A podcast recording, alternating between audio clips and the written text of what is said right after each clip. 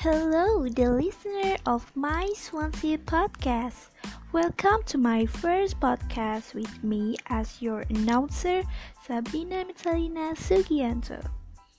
I will tell you about my traveling experience in Rotorua, New Zealand. Here we go.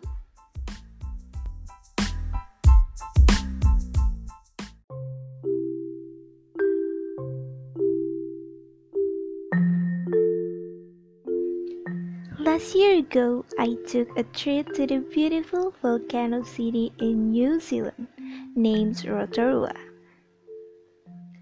This is a city located in the Bay of Plenty region of New Zealand's North Island.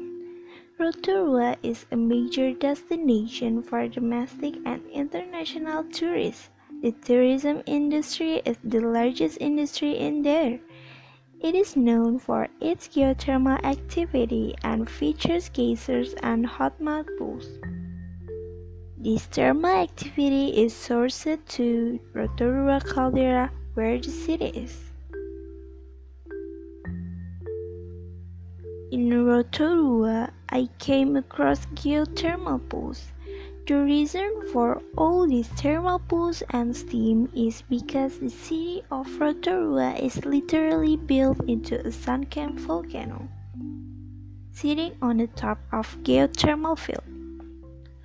Over 200,000 years ago, a supervolcano in the Taihu region of New Zealand erupted and formed this massive crater. Over time, Water filled the crater and the city of Rotorua was born. All the hills surrounding Rotorua are the outer walls of the volcanic crater, otherwise called the volcanic powder. Thermal activity in Rotorua is pretty much everywhere I look, even just rising from water drains around the city. Unfortunately, the pungent smell of sulfur makes the city smell like rotten egg, so beautiful but quite smelly.